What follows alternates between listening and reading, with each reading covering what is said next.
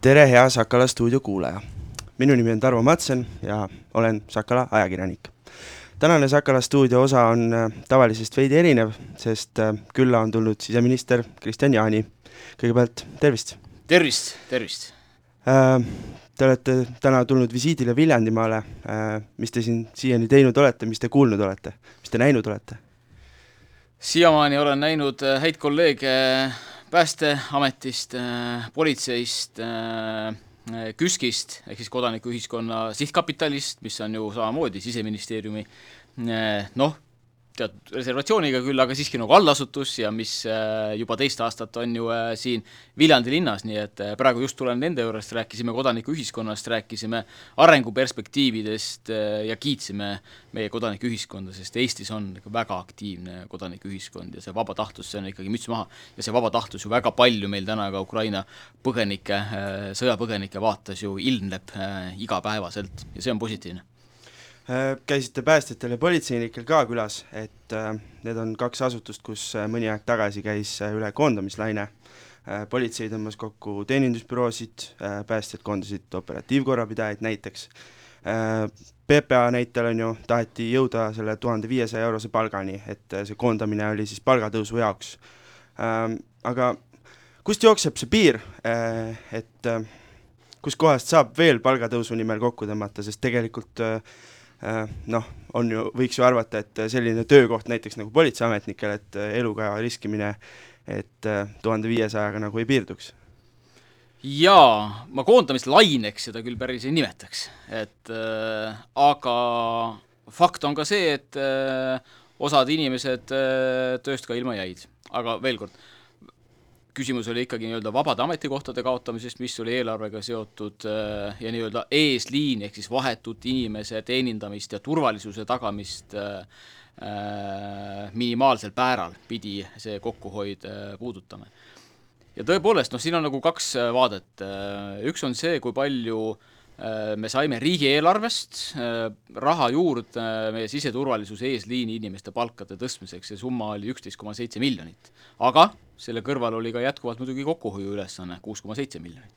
et äh, samas mul on väga hea meel, et tegelikult algselt oli ju see kokkuhoiuülesanne meil valitsuses kokku lepitud suuremana ja mul on väga hea meel, et õnnestus seda kokkuhoiu osa siseturvalisus väiksemaks saada ja palgaeelarvet saada suuremaks. aga noh, matemaatiline tehe oli jätkuvalt kahjuks äh, mitte nagu kõige positiivsem nüüd, kui me räägime päästjate äh, palgast ja eelkõige komando tasandist, siis minu otsus oli tõepoolest see, et äh, see palgaeelarve osa, mis läks päästjatele ja proportsionaalselt, rõhutan proportsionaalselt, läks päästele kõige suurem osa tegelikult lisandunud personali eelarvest, proportsionaalselt rõhutan.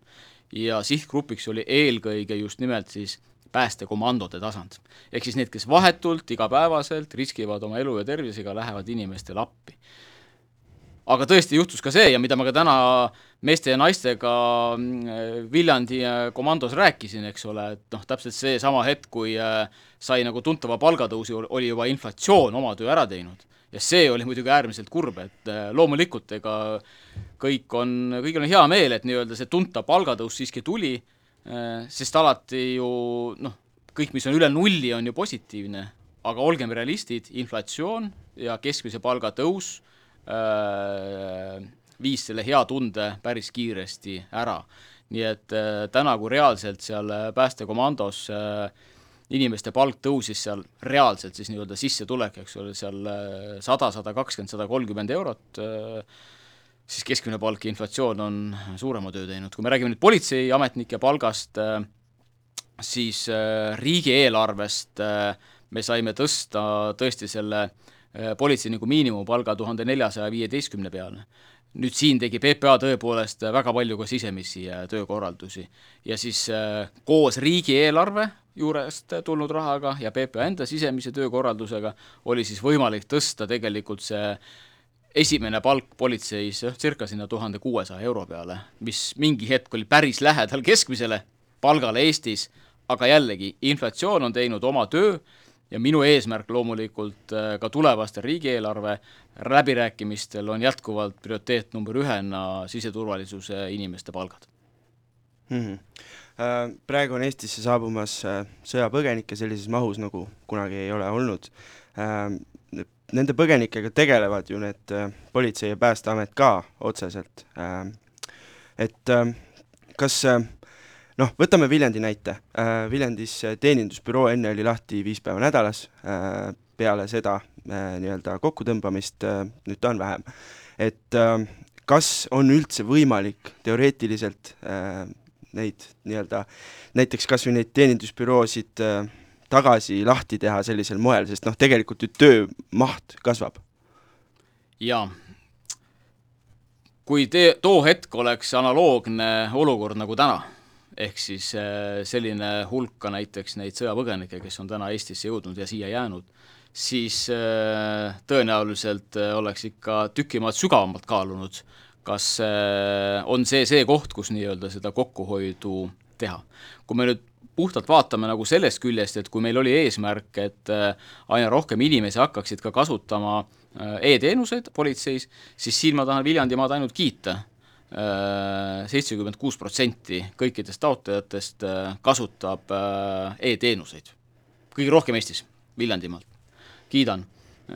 Jaa, järjekord on pikad muidugi, jällegi oleme realistid, aga jällegi rõhutan ka seda, et dokumendivahetus iseenesest on olukord, mida on võimalik äh, väga pikalt ette planeerida.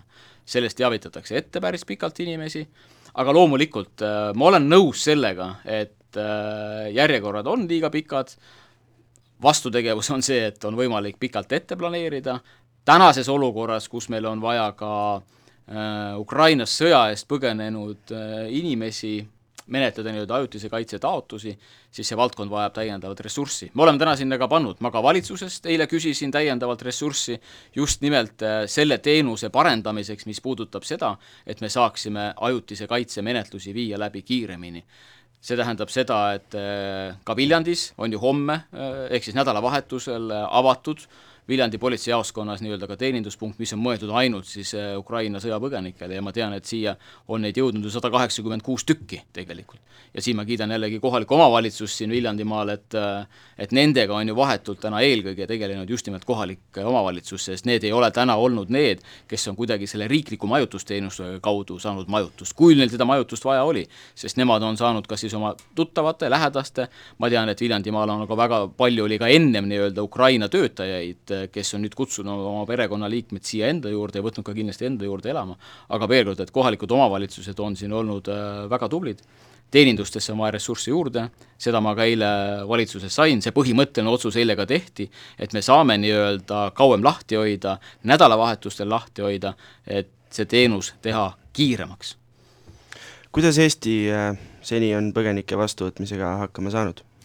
Ma arvan, et Eesti on saanud äh, küllaltki hästi, et äh, meil olid äh, olemas väga head inimesed, väga head planeeringud, aga tõepoolest, keegi ei näinud ette, et nii lühikese ajaga tuleb nii suur hulk inimesi Ukrainast, kes vajavad tegelikult abi. meil on tänaseks Eestisse tulnud ja hetkel siia jäänud kaheksateist tuhat inimest, neid on tulnud rohkem, aga päris suur osa on läinud edasi ka Soome transiidina ja kui me vaatame seda sihtgruppi, kes täna on siia jõudnud siis, siis nelikümmend neli protsenti on naisterahvad, kolmkümmend üheksa protsenti on äh, lapsed. nii et see keskmine profiil, kes täna Eestisse tuleb, on naisterahvas tihtipeale kahe väikse lapsega. Äh, kui me vaatame seda, kui palju nii-öelda seda riiklikku majutust äh, pidanud saama, kellel ei ole siin kuskil olla, siis see hulk on seal neli-viis tuhat, mis omakorda näitab seda, et väga suur osa nendest inimestest ongi tulnud selle kogukonna juurde, kes juba oli siin eelnevalt olemas tänane jõupingutus äh, peab meil minema selle peale, et tõesti nii-öelda see ajutise kaitse menetlus, kes seda soovib, oleks kiire, sest see avab väga mitmed erinevad teenused, erinevad toetused, sealhulgas tööturule lihtsam minna, see on väga oluline. Äh, oluline on ka see, et äh, tänaseks on Politsei- ja Piirivalveamet rakendanud äh, hädaolukorra plaani, ehk siis Politsei- ja Piirivalveamet juhib neid tegevusi, aga loomulikult selle juhtimise sees kõikidel asutustel oma ülesanded jätkuvalt olemas. väga suur roll just nimelt Sotsiaalkindlustusametil, kes jätkuvalt täidab oma ülesandeid, aga juhib kõikisi tegevusi äh, Politsei- ja Piirivalveamet. mis on ka väga oluline siin selle põgenike kriisi juures välja tuua, on see, et me kolmandast märtsist taastasime sisepiiril piirikontrolli ehk siis eh, Valga üks, kaks, kolm piiripunktides ja Iklas.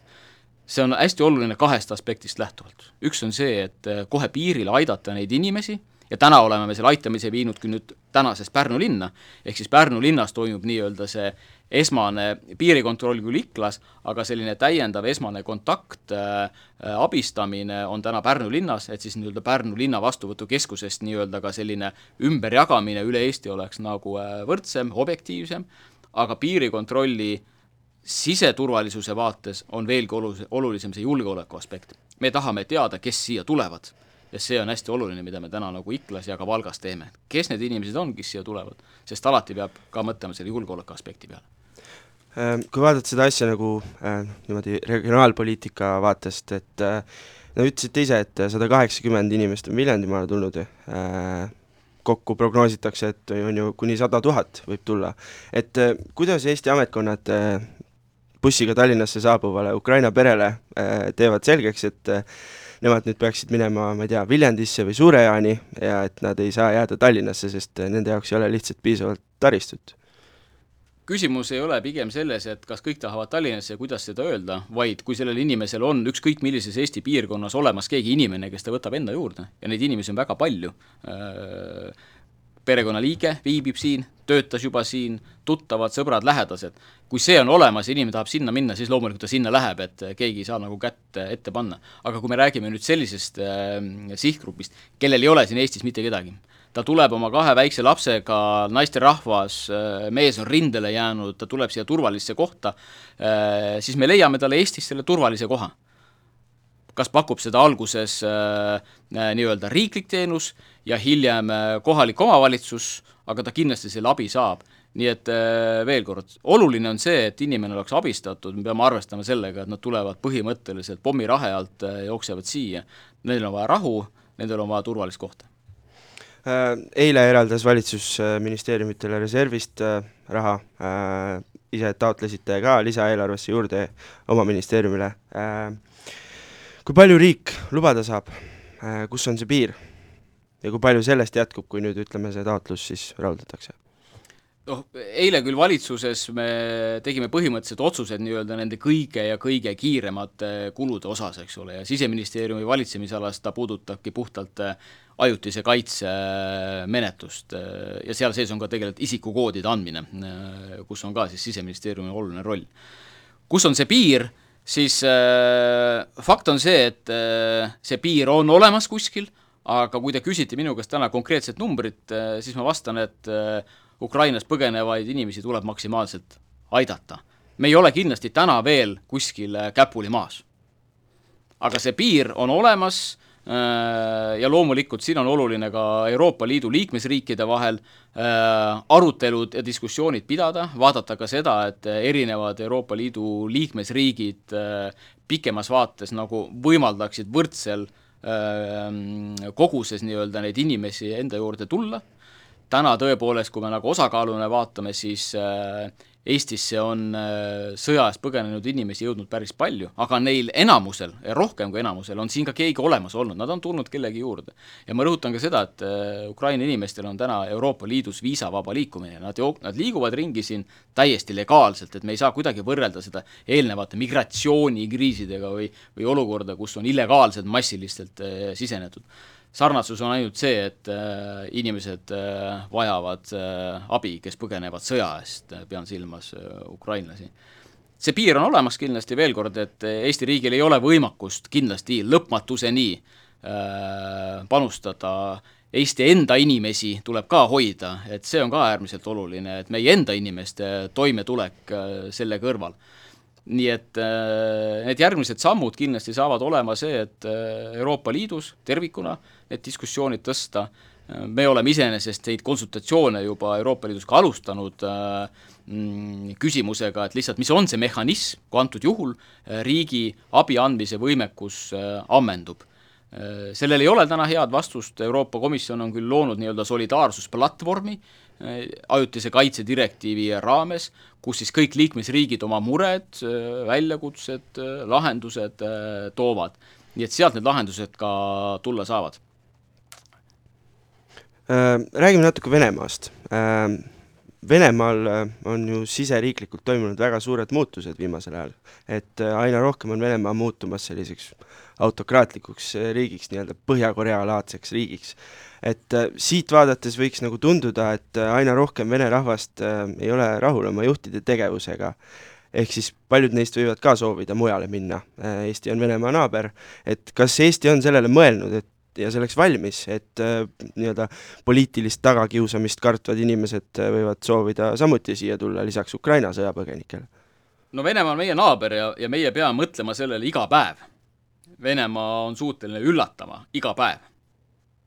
ja kui me räägime nüüd sellest, et äh, Venemaalt võib samamoodi äh, põgeneda inimesi, äh, kes satuvad seal tagakiusu alla, ükskõik mille alusel, olgu ta soo, rassi, poliitiliste vaadete poole pealt, siis loomulikult, et üks variant on ju liikuda Euroopa Liitu, sest Venemaalt Euroopa Liitu tegelikult Soome, Läti ja, ja Eesti ongi need kohad, kus otse liikuda saab. me ei ole täna näinud, et kuidagi piiriliiklus oleks suurenenud Eesti ja Venemaa vahel, et äh, vahetult peale sõda tõusis piiriliiklus, et kui näiteks enne sõda oli niisugune keskmine ööpäevane piiriliiklus, äh, noh, kui palju tuli inimesi sisse, äh, oli niisugune kuskil tuhat viissada. ja sama palju läks ka välja inimesi. Äh, vahetult peale sõda see sissetulemise number läks kuskil kahe tuhande viiesaja peale ja nüüd, kui me täna vaatame, siis see piiriliiklus on jälle tasakaalus, et ööpäevas sisse tuleb kuskil seal äh, tuhat kolmsada inimest, äh, välja läheb seal kuskil tuhat kakssada inimest. et selline on see piiriliiklus. et äh, aga kui me vaatame, kes on need inimesed, kes seda piiriliiklust tekitavad, siis need on tegelikkuses pea kuuskümmend viis protsenti Vene Föderatsiooni kodanikud, kes omavad Eestis pikaajalist elamisluba. aga kas Eesti kas Eesti peaks neid vastu võtma, kui see peaks, see number peaks tõusma? tõusma, kui me räägime numbri tõusmisest, siis me räägime sellest, kas on need inimesed, kes esitavad siin rahvusvahelise kaitse taotluse. praegu need inimesed liiguvad viisa alusel, et mm. käivad vabalt, ületavad piiri, neil olemas kas viisa või neil olemas siis pikaajalise elamis, elamisluba ja siis ei olegi nagu viisat vaja täna me ei, ei ole näinud, et väga massiliseks oleks tõusnud Vene Föderatsiooni inimeste poolt äh, rahvusvahelise kaitse taotluste arv, kuigi seda on näha et äh, inimesed rohkem uurivad, näiteks Narva piiripunktis, et kuidas see protsess käib, kui inimene tahab näiteks äh, rahvusvahelise kaitse taotlust esitada ja, ja neid rahvusvahelise kaitse taotlusi on ka tõepoolest äh, esitatud. et see tähendab siis põhimõtteliselt seda, et nad taotlevad pagulasstaatust mm. -hmm. Eestis elab juba praegu päris palju neid, kes on tarbinud Vene inforuumi igapäevaselt. praegu peale nüüd Venemaa sissetungi Ukrainasse on äh, paljud nendest kanalitest kinni pandud, aga noh, selliseid propagandast tekkinud uskumusi ju päevapealt ümber ei kirjuta, et äh, kas ja kui palju me peaks äh, muretsema, et meie enda riigis võiks tekkida sisemine konflikt? Eesti on, Tarbijakaitse ja Tehnilise Järelevalve Amet on tõepoolest kinni pannud kuus telekanalit täna Eestis ja see on õige, seal oli sõjapropaganda äh, väga konkreetselt, äh, alustades sellest, et äh, seal kanti üle ja õigustati kõiki ka Putini nii-öelda sõnavõtte, mis õigustasid sõjapidamist küll hoopis teiste sõnadega, aga, aga loomulikult selliseid telekanaleid Eestis võimaldada ei saa. nüüd mis on oluline, on see, kui kiiresti pakkuda asemele alternatiivi sellele samale sihtgrupile, kes siiski siin elab ja, ja peab ju informatsiooni kätte saama, objektiivse informatsiooni. et valitsuse poolt oli iseenesest ka kohe eraldatud Rahvusringhäälingule täiendavad äh, rahad nii-öelda venekeelse sisu tootmiseks, Äh, aga loomulikult tuleb rohkem äh, nii-öelda alternatiivseid kanaleid väga konkreetsele sihtgrupile pakkuda ja ka selles keeles pakkuda, mida need inimesed aru saavad, nii et siin on nagu küsimus selles, et äh, tuleb pakkuda ja Eesti on seda ka juba teinud, alternatiive informatsiooni saamise kanaleid. ja loomulikult on hästi oluline ka nii-öelda kogu aeg mõõta seda ühiskonna temperatuuri, see on ka üks Siseministeeriumi valitsemisala tegevustest kindlasti.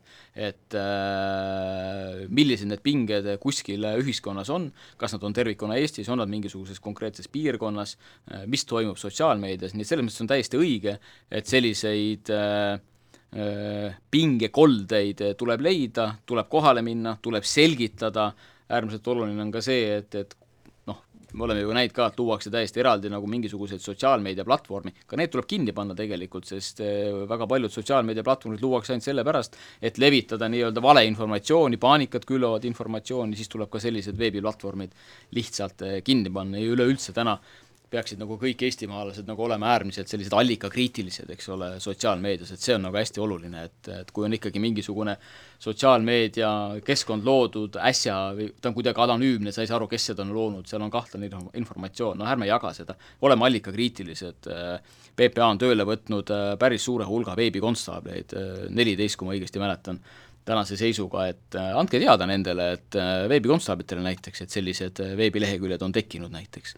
aga ka muidugi sellised, kui kuskil kommentaariumis on tekkinud väga sellised noh, üleskutsuvad kommentaarid ja nii edasi, eks ole, et see on hästi oluline.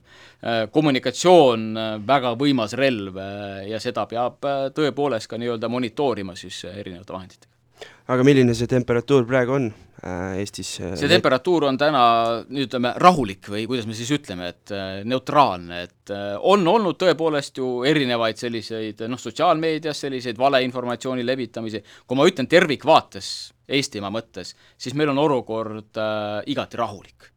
aga me peame arvestama sellega ja Eesti ka väga hästi teadvustab sellega, millised on need Venemaa sõjalised mõjud Euroopas tervikuna, maailmas, Ukrainas, Eesti seda väga hästi teadvustab ja sellega ka tegeleb, nii et, et siin ei saa ka kuidagi nagu silma kinni pigistada ja öelda, et ah, meil on kõik rahulik, eks ole, et arvestama sellega peab, temperatuuri mõõtma peab, väga palju peab selgitama inimestele, väga suur roll on äh, lastevanematel, lasteaiaõpetajatel, kooliõpetajatel, töökollektiivides ja nii edasi.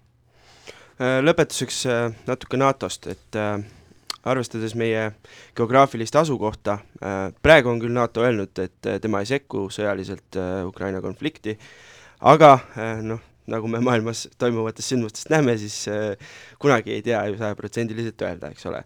et kui nüüd NATO otsustaks äh, sekkuda, siis meie võiks ju olla potentsiaalselt Venemaa ja NATO vahelise sõja selline lahingupinnas.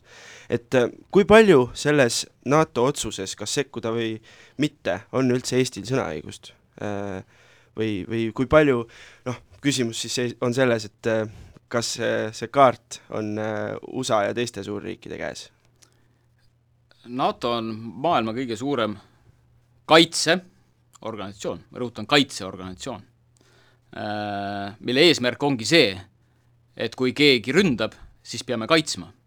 ja nii lihtne see vastus ongi ja selleks ongi NATO üles ehitatud, et oma liikmesriike kaitsta. ja kui keegi ründab ükskõik millist äh, NATO liikmesriiki, siis tuleb kaitsta. Äh, NATO-s on kõik võrdsed liikmed ja kuulatakse ja aina rohkem kuulatakse ka meid, kuna me oleme väga pikalt terve ajaloo vältel elanud Venemaa kõrval siis äh, kui mõningal perioodil on tõesti võib-olla olnud raske saada pildile nende ohtudega ja analüüsidega, mida meie oleme võib-olla Venemaa suunal näidanud, siis täna kõik saavad aru, et me oleme väga tugevad eksperdid siin, meid kuulatakse ja me oleme väga tugevad partnerid äh,. siseminister Kristian Jaani äh,, aitäh selle vestluse eest kõigile Sakala stuudio kuulajatele samuti suur tänu kuulamast järgmine Sakala stuudio osa juba varsti aitäh teile ja elagu Viljandimaa!